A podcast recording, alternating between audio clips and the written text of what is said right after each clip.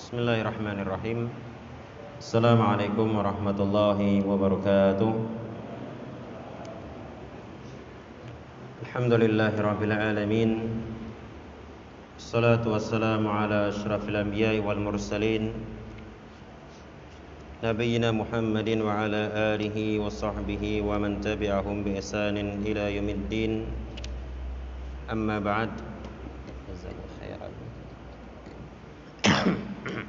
Pada malam hari ini kita melanjutkan kajian kitab Minhajul Muslim dan masih membahas awal-awal dari bab yang ketiga fil akhlak, bab tentang akhlak. Dan jamaah sekalian, pada pertemuan terakhir kemarin ya kalau kemarin qadarullah masyafa'al saya tidak bisa datang ya karena Allah lagi kurang enak badan. Alhamdulillah bisa digantikan Ustaz Ihsan Intizam ya. Sebelumnya kita ada ayat yang dibawakan oleh penulis. Wasari'u ila maghfiratin min rabbikum wa jannatin arduha as-samawati wal ardu uiddat lil muttaqin dan bersegeralah kalian menuju pengampunan dari Rabb kalian dan juga menuju surga yang luasnya seluas langit-langit dan bumi. Uiddat lil muttaqin yang disediakan untuk orang-orang yang bertakwa. Alladzina yunfiquna fis sarra, yakni orang-orang yang berinfak di saat lapang wadh dan di saat sempit. Wal dan orang yang menahan amarahnya. Wal 'anin nas dan orang-orang yang memaafkan orang lain. Wallahu yuhibbul muhsinin. Dan Allah Subhanahu wa taala mencintai orang-orang yang berbuat kebaikan. Jemaah sekalian, selanjutnya kita baca ucapan Syekh ba'atha rasulahu sallallahu alaihi wasallam biitmamiha dan Allah Subhanahu wa taala mengutus rasulnya sallallahu alaihi wasallam biitmamiha untuk menyempurnakannya. Menyempurnakan apa? Menyempurnakan akhlak. Ya. Innama faqala alaihi salatu wasallam nabi sallallahu alaihi wasallam bersabda innama bu'istu liutammima makarimal akhlaq semata-mata aku diutus untuk menyempurnakan akhlak yang mulia. Ya. Maka jamaah sekalian, hadis-hadis ini menunjukkan kepada kita keutamaan akhlakul karimah demikian pula hasungan bagi kaum muslimin untuk senantiasa berakhlak dengan akhlak yang baik. وبين صلى الله عليه وسلم فضل محاسن الأخلاق في غير ما قول dan Nabi Shallallahu Alaihi Wasallam menjelaskan akhlak-akhlaknya keutamaan akhlak-akhlak yang mulia fi ghairi ma qaulin bukan hanya dalam satu sabdanya saja. Jadi jamaah Nabi Shallallahu Alaihi Wasallam beliau menerangkan tentang atau menerangkan keutamaan akhlak mulia bukan hanya dalam satu hadis Bukan hanya dalam dua hadis yang ini menunjukkan pentingnya akhlak itu. Nabi sallallahu alaihi wasallam bersabda, "Ma min syai'in fil mizani asqala min husnil khuluq."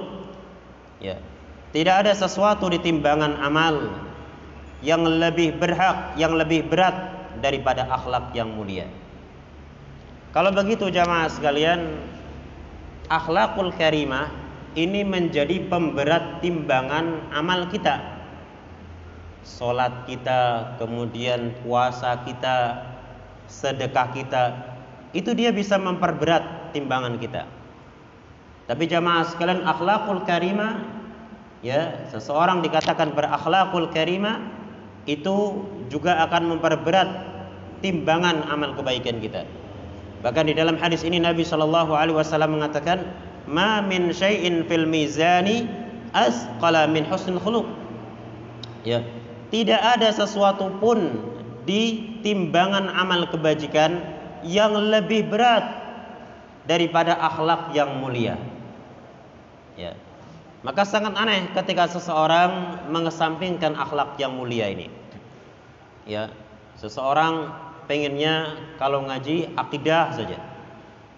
Biar kelihatannya kokoh, Pak. Ya. Itu bagus ya, karena Nabi memang sallallahu alaihi wasallam beliau fokus selama 10 tahun di kota Mekah itu akidah dulu, akidah, akidah bagus. Ya. Tapi bukan artinya seseorang mengesampingkan pembahasan akhlak. Ya. Yang penting akidahnya bagus, akhlaknya nanti nomor 18. Ya nggak bisa aja, Mak. Ya. Ini seakan-akan urusan akhlak itu urusan remeh temeh. Padahal dalam Islam urusan akhlak itu urusan yang besar. Ya. Termasuk juga memang ada sebagian yang seperti itu kadang. Nggak mau belajar ini, nggak mau belajar itu, pengennya saya belajar akidah saja. Ya, bukan suatu hal yang buruk, suatu hal yang baik, fokus ke situ. Tapi bukan artinya dia tidak mau belajar itu. Ya, makanya jamaah sekalian terkait persoalan semacam ini, ya, janganlah seseorang menggunakan alasan pembelajaran akidah untuk meninggalkan belajar akhlak, ya, untuk meninggalkan belajar fikih. Kalau dia ingin lebih fokus ke akidah, memperbanyak dirasa akidah, pelajaran akidah, itu bagus. Tapi kalau akidah dipakai alasan, belajar akidah dipakai alasan untuk meninggalkan pembahasan akhlak, ya, pembahasan fikih, ya itu sesuatu yang keliru. Seperti halnya orang yang beralasan dengan belajar malam dengan meninggalkan sholat malam itu juga keliru ya, bang. Ya. Kan katanya sholat malam dengan belajar agama, wah itu lebih utama belajar agama, katanya kan seperti itu. Ya kan? Seperti itu katanya. Nah, jamaah sekalian nggak nggak benar alasan semacam itu. Makanya Al Imam Syafi'i rahimahullah beliau membagi malam harinya. Ya, sekian untuk istirahat, sekian untuk belajar, sekian untuk qiyamul lail. Jadi tidak ada alasan seseorang, "Oh, saya ingin fokus belajar malam, akhirnya qiyamul lailnya tidak dia lakukan, keliru. Ya. Sama dengan sebagian orang saya ingin fokus belajar akidah, tapi ternyata belajar akhlaknya tidak atau belajar fikihnya tidak. Ini keliru. Semuanya harus dibarengi, semuanya harus dilakukan. Walaupun mungkin sebagiannya proporsinya lebih besar daripada sebagian yang lain. Kenyataannya masalah akidah, eh, masalah akhlak adalah masalah yang luar biasa diperhatikan dalam agama kita. Kemudian jamaah sekalian selanjutnya kata penulis Waqala al-birru husnul khuluq. Nabi sallallahu alaihi wasallam bersabda, "Al-birru perbuatan baik itu husnul khuluq adalah akhlak yang baik." Ya, orang dikatakan dia baik, dia baik, dia baik. Kapan itu? Ketika husnul khuluq, akhlaknya baik. Baik, selanjutnya Waqala dan Nabi sallallahu alaihi wasallam bersabda, "Akmalul mu'minina akmalul mu'minin akmalul mu'minina imanan ahsanuhum akhlaqa." Ya. Keimanan kaum muslimin, keimanan kaum mukminin yang paling sempurna adalah ahsanum akhlaqa, yang paling baik akhlaknya. Akmalul mu'minina imanan saya ulang, akmalul mu'minina imanan seorang atau kaum mukminin yang paling sempurna imannya ahsanum akhlaqa adalah yang paling baik akhlaknya. Kata Nabi akmalul mukminin kaum mukminin yang paling sempurna. Sempurna apanya? Imanan keimanannya adalah ahsanum akhlaqa yang paling baik akhlaknya ya jamaah sekalian keimanan itu sesuatu yang ada di dalam hati. Ya. Tidak nampak jemaah. Bagaimana seseorang bisa menilai keimanannya bagus? Gak bisa dinilai keimanannya bagus dari sekedar apa yang ada di dalam hati. Ya. Maka penilaian keimanan seseorang bagus apa tidaknya haknya. Ya. Nabi Shallallahu Alaihi Wasallam mengatakan, "Akmalul mu'minina imanan ahsanum akhlaqa." kaum mukminin yang paling sempurna keimanannya adalah yang paling bagus akhlaknya. Ya. Walaupun nanti insya Allah kita akan jelaskan jemaah ketika kita berbicara akhlak, akhlak, akhlak, itu bukan semata-mata artinya orang baik sama orang lain itu bukan. Ya, tidak sekedar itu. Tidak sesempit itu pembahasannya. Selanjutnya, Inna min ahabbikum ilayya wa aqrabikum minni majlisan yaumal qiyamati ahasinakum akhlaqa. Ya. Sesungguhnya di antara orang yang paling aku cintai dan yang paling dekat kepadaku tempat duduknya nanti pada hari kiamat adalah ahasinakum akhlaqa. Orang yang paling baik akhlaknya di antara kalian. Ini di antara orang yang kriteria orang paling dicintai sama Nabi Shallallahu Alaihi Wasallam. Ya, di antara orang yang kriterianya paling dekat atau di antara orang yang paling dekat dengan Nabi Shallallahu Alaihi Wasallam nanti pada hari kiamat, kriterianya adalah apa? Orang yang paling baik akhlaknya di antara kita. Wasu'ila an ayyil a'mali afdal. Dan Nabi Shallallahu Alaihi Wasallam ditanya tentang amalan apa yang paling afdal. Kemudian Nabi SAW bersabda, husnul khuluqi, akhlak yang baik. Kembali lagi akhlak yang baik ya e, disebut-sebut oleh Rasul sallallahu alaihi wasallam memiliki keutamaan yang luar biasa. Kenapa kita katakan e, keutamaan yang luar biasa? Karena pertanyaan-pertanyaannya atau ungkapan teks-teks yang disampaikan oleh Nabi termasuk juga pertanyaan-pertanyaan diajukan oleh Nabi itu semuanya menggunakan isim tafdil yang menunjukkan paling ya yang di antara yang paling aku cintai di antara yang paling dekat kepadaku nanti siapa yang akhlaknya paling bagus? Ya amalan yang paling afdal apa di antara amalan yang paling afdal? Nabi mengatakan orang yang akhlaknya apa uh, akhlak yang bagus. Kemudian akmalul mu'minina imanan kaum mukminin yang paling sempurna keimanannya siapa ahsanu akhlaqa yang paling bagus akhlaknya jadi ini jamaah menunjukkan akhlak luar biasa dalam agama kita. Ya. Selanjutnya wasuila an aktsari ma yudkhilul jannah. Dan Nabi sallallahu alaihi wasallam ditanya tentang sesuatu yang paling banyak memasukkan ke dalam surga.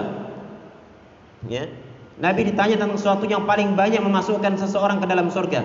Apa kata Nabi? Taqwallahi wa husnul khuluq takwa kepada Allah Subhanahu wa taala dan akhlak yang baik. Kembali akhlak yang baik disebut oleh Rasul sallallahu alaihi wasallam. Waqala dan Nabi bersabda, "Innal 'abda la yablughu bi husni khuluqihi 'azima darajatil akhirati wa syarafal manazili wa innahu la dha'iful ibadati." Ya.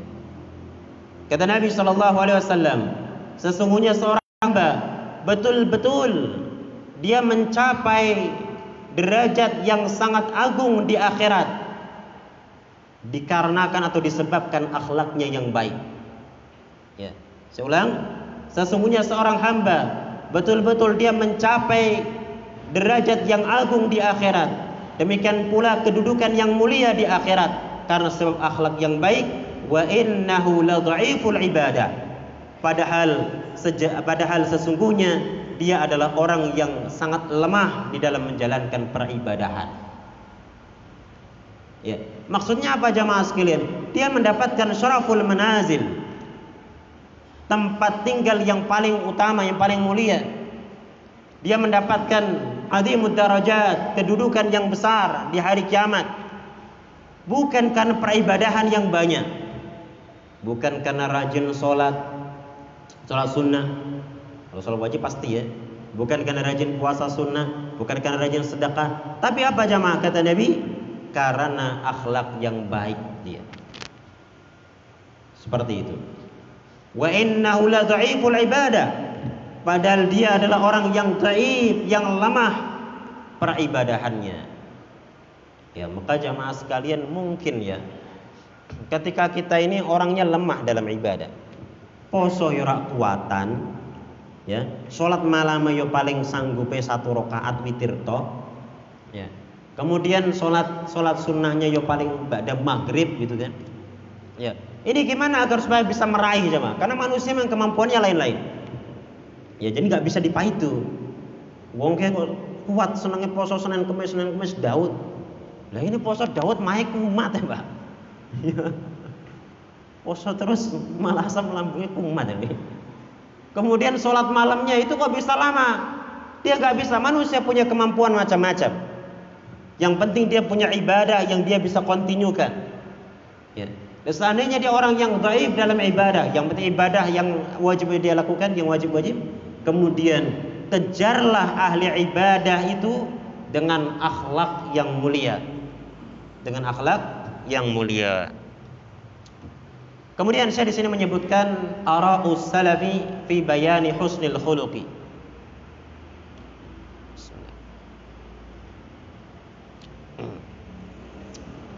pandangan as-salaf fi bayani husnil khuluqi uh, dalam menjelaskan akhlak yang mulia atau akhlak yang baik. Di sini saya ingin menyebutkan pandangan para ulama as-salaf. Ulama as-salaf adalah ulama yang hidup pada 300 tahun pertama. Ya, tahun 100, 200, 300 dan di situ ulama-ulamanya terkenal sebagai ulama yang lurus akidahnya. Nah, ini disebut dengan ulama ussalaf. Ya. Kalau dia hidup di luar tahun 300 ya. Walaupun ulamanya itu baik, ulamanya itu benar, tidak dikatakan ulama ussalaf. Jelas ya? Jadi kalau misalkan di masa ini, Pak, Bu, ulama salaf itu sekarang siapa yang enggak ada? Ya. Karena ulama salaf itu 300 tahun pertama dan dia akidahnya benar tidak bermasalah. Ya. Kalau dia di luar 300 tahun pertama akidahnya benar tidak bermasalah nggak disebut salaf. Tapi kalau dia akidahnya benar maka berarti dia namanya mengikuti orang salaf. Gitu ya. Nah, kalau dia hidup di 300 tahun pertama nggak beres orangnya, itu juga tidak bisa disebut dengan as-salaf. Ya. Seperti misalkan Abu Jahal Abu Jahal itu benar apa enggak benar, Pak? Enggak benar. Apa dia dikatakan salah walaupun hidup 300 tahun pertama? Tidak. Ya. Kemudian pada masa generasi setelah sahabat, generasi tabi'in yang semasa dengan Al Hasan Al Basri, namanya Wasil bin Atha, pendiri aliran Mu'tazilah. Dia hidup di 300 tahun pertama pada masanya Al Hasan Al Basri. Ya. Apakah dia dikatakan as-salaf? Tidak, walaupun dia hidup di masa itu. Kenapa? Karena bermasalah keagamaannya. Nah, kalau dikatakan ara'us salafi fi bayani husnul khuluqi, yakni pandangan ulama-ulama salaf saat menjelaskan tentang akhlak yang mulia. Qala al-Hasanu Al-Hasan Al-Basri berkata, husnul khuluqi husnul khuluqi bastul wajhi wa badlun nada wa kafful ada. Al-Hasan Al-Basri berkata, husnul khuluqi akhlak yang baik itu adalah bastul wajhi. Bastul wajhi artinya menampakkan wajah yang berseri-seri. Ya. Wa bazlun nada dan mengerahkan apa? Dan mengerahkan bantuan secara sungguh-sungguh. Mengerahkan bantuan secara sungguh-sungguh. Wa kaful ada dan menahan dari mengganggu orang lain. Menahan dari mengganggu orang lain. Nah ini jamaah sekalian tiga hal disebutkan oleh Al Hasan Al Basri rahimahullah salah seorang tabiin senior. Orang dikatakan berakhlak yang baik kalau dia melakukan tiga hal ini. Satu, dia dalam ungkapan yang lainnya badlun nada wa kaful ada wa talaqatul wajhi. Ya, badlun nada, badal artinya mengerahkan kemampuan. Ya, An-nada artinya pemberian. Ya. Jadi mengerahkan kemampuan untuk memberi sesuatu yang baik kepada orang lain. Satu ini. Ya. Dan yang dimaksudkan pemberian di sini jamaah tidak mesti uang. Makanya Syekh Muhammad bin Saleh Al Utsaimin rahimahullah saat menjelaskan ucapan Al Imam Al Hasan Al Basri, beliau menyebutkan badlun nada mengerahkan bantuan, ya mengerahkan sekuat tenaga e, bantuan ini ada tiga macam. Satu dengan tenaga, yang kedua dengan uang, dan yang ketiga dengan kedudukan. Ya, dengan kedudukan. Bagaimana kitab kitab kecil ini?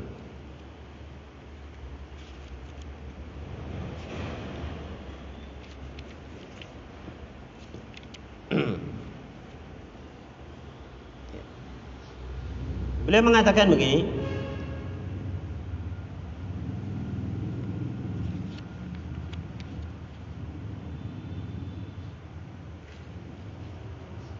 Badlun nada An-nada al-karam wa huwa al-karam wal jud.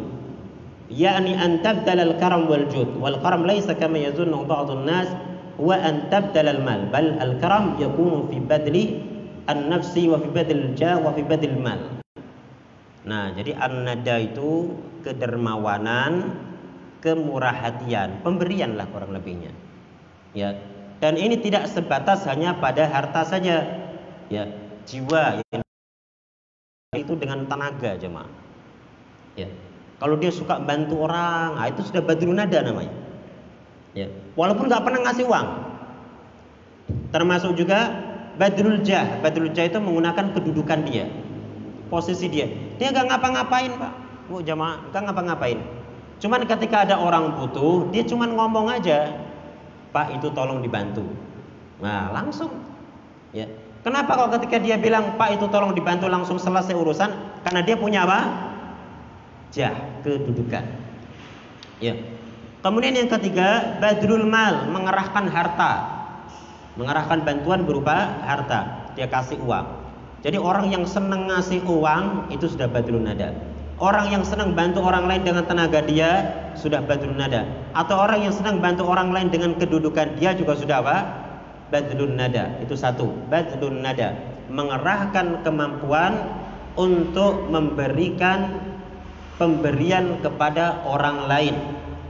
Atau bahasa kasarnya, bahasa gampangnya, badrun nada itu dia memberi orang yang suka memberi sesuatu kepada orang lain. Dan sesuatu tidak terbatas pada harta, tapi pada tiga hal ini. Mungkin dengan harta dia, mungkin dengan kedudukan dia, mungkin dengan apa tadi? tenaga dia. Kemudian yang kedua, uh, wakaful ada. Kaful ada artinya menahan gangguan. Gangguan apa? Gangguan dari diri dia. Ya. Dikatakan kaful ada tatkala dia bisa menahan dirinya untuk tidak mengganggu orang lain. Membahayakan orang lain, merugikan orang lain. Dan e, kaful ada ini jamaah sekalian, ini ada tiga ada tiga e, apa ada tiga pembahasan atau ada tiga model. Ya.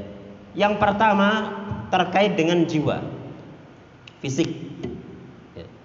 Jadi orang dikatakan kaful ada apabila dia menahan diri untuk tidak menyakiti fisik orang lain menahan diri untuk tidak menyakiti fisik orang lain. Kemudian yang kedua, yang kedua terkait dengan al-ard, al-ard eh, apa? Al-ard kehormatan. Terkait dengan kehormatan. Dia menahan dirinya untuk tidak merugikan orang lain terkait kehormatan orang lain itu. Terkait kehormatan orang lain. Kemudian yang terakhir terkait dengan harta. Ya. Dia menahan dirinya untuk tidak merugikan orang lain terkait dengan harta. Makanya jamaah sekalian, orang mau berakhlak mulia, ya satu sisi kaful ada tadi, maknanya adalah tahan diri kita untuk tidak merugikan orang lain, entah merugikan kehormatannya dengan misalkan menghibah, menyebutkan sisi-sisi negatifnya, hal-hal buruknya, hal-hal yang bisa menjatuhkan dirinya di depan orang. Waliyahudzubillah. Ya, tahan, tahan diri kita untuk tidak merugikan orang lain dari sisi itu. Ya. Demikian pula tahan diri kita untuk tidak merugikan orang lain dari sisi harta. Kita ambil harta orang lain misalkan jangan. Ya. Atau yang ketiga dari sisi apa tadi? Fisik. Tahan untuk tidak merugikan orang lain dari sisi fisik, mungkin memukul, mungkin membunuh dan lain sebagainya. Baik itu kaful ada. Maka kalau ada orang suka menghancurkan kehormatan orang lain itu berarti akhlaknya baik apa tidak jemaah? Tidak baik ya. Ngelek-ngelek wong liya jemaah. Wong ke wong ke kuno ke kuno kuno wah itu jelek dijelek-jelekin orang lain. Itu berarti akhlaknya enggak baik. Ya.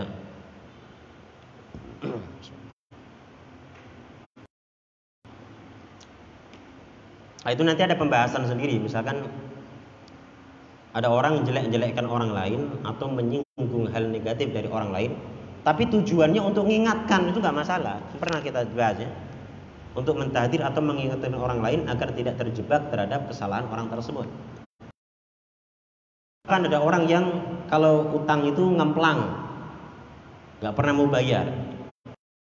Orang ini masyhur misalkan di kota Semarang, kalau utang dia nggak mau bayar. Kita tahu? Ya, kita ngomong sama teman-teman kita, Mas, Pak, hati-hati. Nek wong kayak utang, ojo di ojo diutangi. Itu menyebutkan kejelekan orang apa enggak? Menyebutkan kejelekan orang kan? Asalnya itu akhlak yang nggak baik, asalnya. Kenapa? Karena dia tidak bisa menahan dirinya untuk tidak merugikan orang lain dari sisi kehor kehormatan. Kan orang itu jatuh, lah ngapa? Ditah, ditekan terus. Lah kenapa? Karena nek sampean kok ngutangi dia, ngasih utang dia, dia gak akan bayar ke jenengan. Nah, itu dia jatuh jamaah. Ya. Tapi ini tujuannya adalah apa? Maslahat bagi orang yang ada di sini. Ya, jangan ragu-ragu tahu ada orang nggak beres. Nek tak domongke wong jamaah masjid ku aku riba berarti aku akhlaknya nggak baik. Itu nggak seperti itu. Itu ada pengecualian ada pembahasan-pembahasan. Ada istisnaat ya. pengecualian-pengecualian. Hukum umumnya nggak boleh. Hukum umumnya. Tapi di sana ada pengecualian-pengecualian dalam kondisi-kondisi tertentu. Baik kemudian yang terakhir yang ketiga dalam penjelasan Al Hasan Al Basri wa talaqatu al-wajhi atau bahasa beliau di sini wa bastul wajhi. Ya. Talaqatul wajhi artinya menampakkan wajah yang berseri-seri. Wajah yang menyenangkan di saat bertemu dengan orang lain, di saat berbicara dengan orang lain. Ya. Enggak harus wajahnya itu dibuat ganteng. Karena wong ganteng ya ganteng. Harus dibuat cantik, yang penting ketika orang lain berbicara dengan kita, itu tuh raut muka kita itu raut muka yang nyenengke gitu cuma penak gitu. Ya orang yuk angku gitu. Ya. yang yang mas yang yang apa eh, yang penting itu wajah kita itu bukan wajah yang abasa watawala gitu. Bermuka apa us bermuka apa masam ya bermuka masam. Nggak enak. Ya kalau diajak ngomong nggak enak Ya, tapi jangan jangan curiga kalau ada orang tidak ngomong menang baik jangan-jangan iki bermuka masam orang ini. Ya, langsung dikatakan akhlak Anda nggak baik. Belum tentu cuma Siapa tahu diutang akeh ngeluh, wah gak ngomong. Ya, atau lagi sakit gigi. Ya, atau ada lagi masalah tertentu dalam tubuh dia. Akhirnya dia diam. Tapi kalau memang orang ini terkenal seperti itu, ya berarti memang kayak gitu. Oh enggak Ustaz, itu memang orangnya terkenal kayak gitu. Kalau diajak ngomong tuh enggak enak, ketus orangnya. Nah, itu berarti dia apa? Akhlaknya enggak baik. Jadi orang dikatakan akhlaknya baik, panjenengan lihat tiga ini. Kalau ketemu enak, ngobrolnya itu enak, wajahnya itu dilihat enak. Jangan wajahnya dilihat jangan ganteng apa enggak gantengnya itu enggak.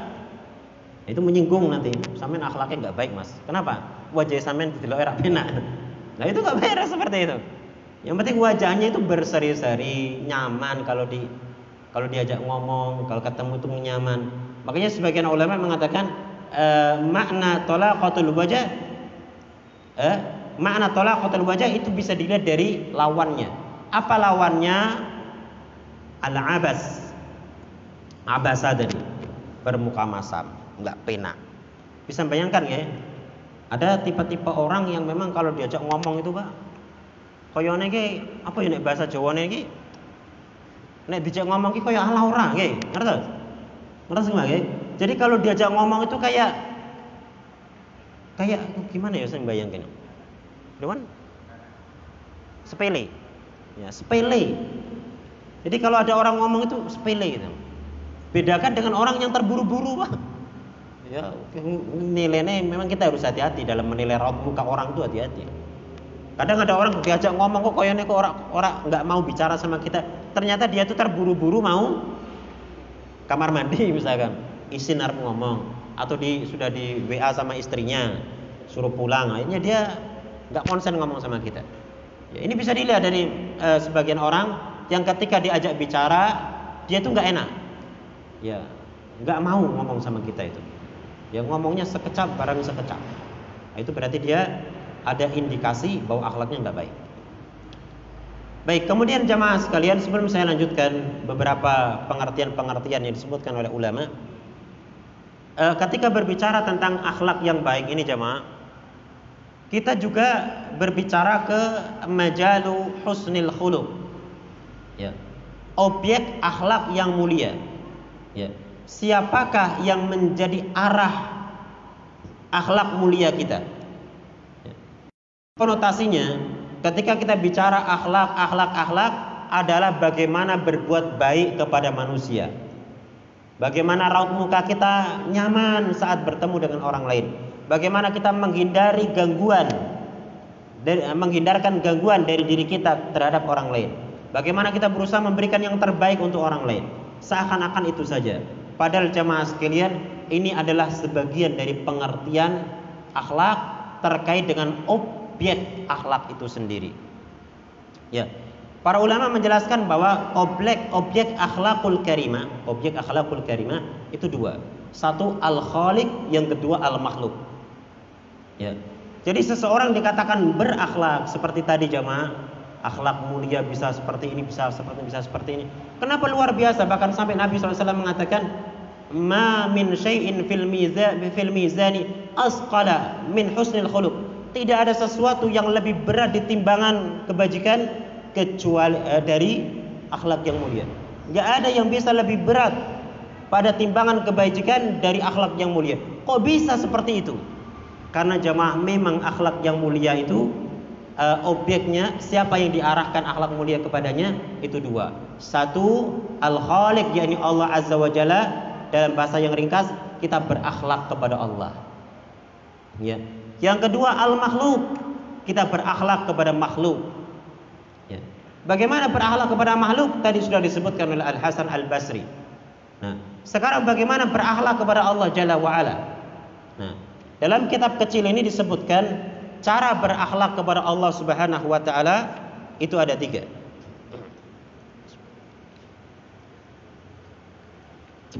Yang pertama,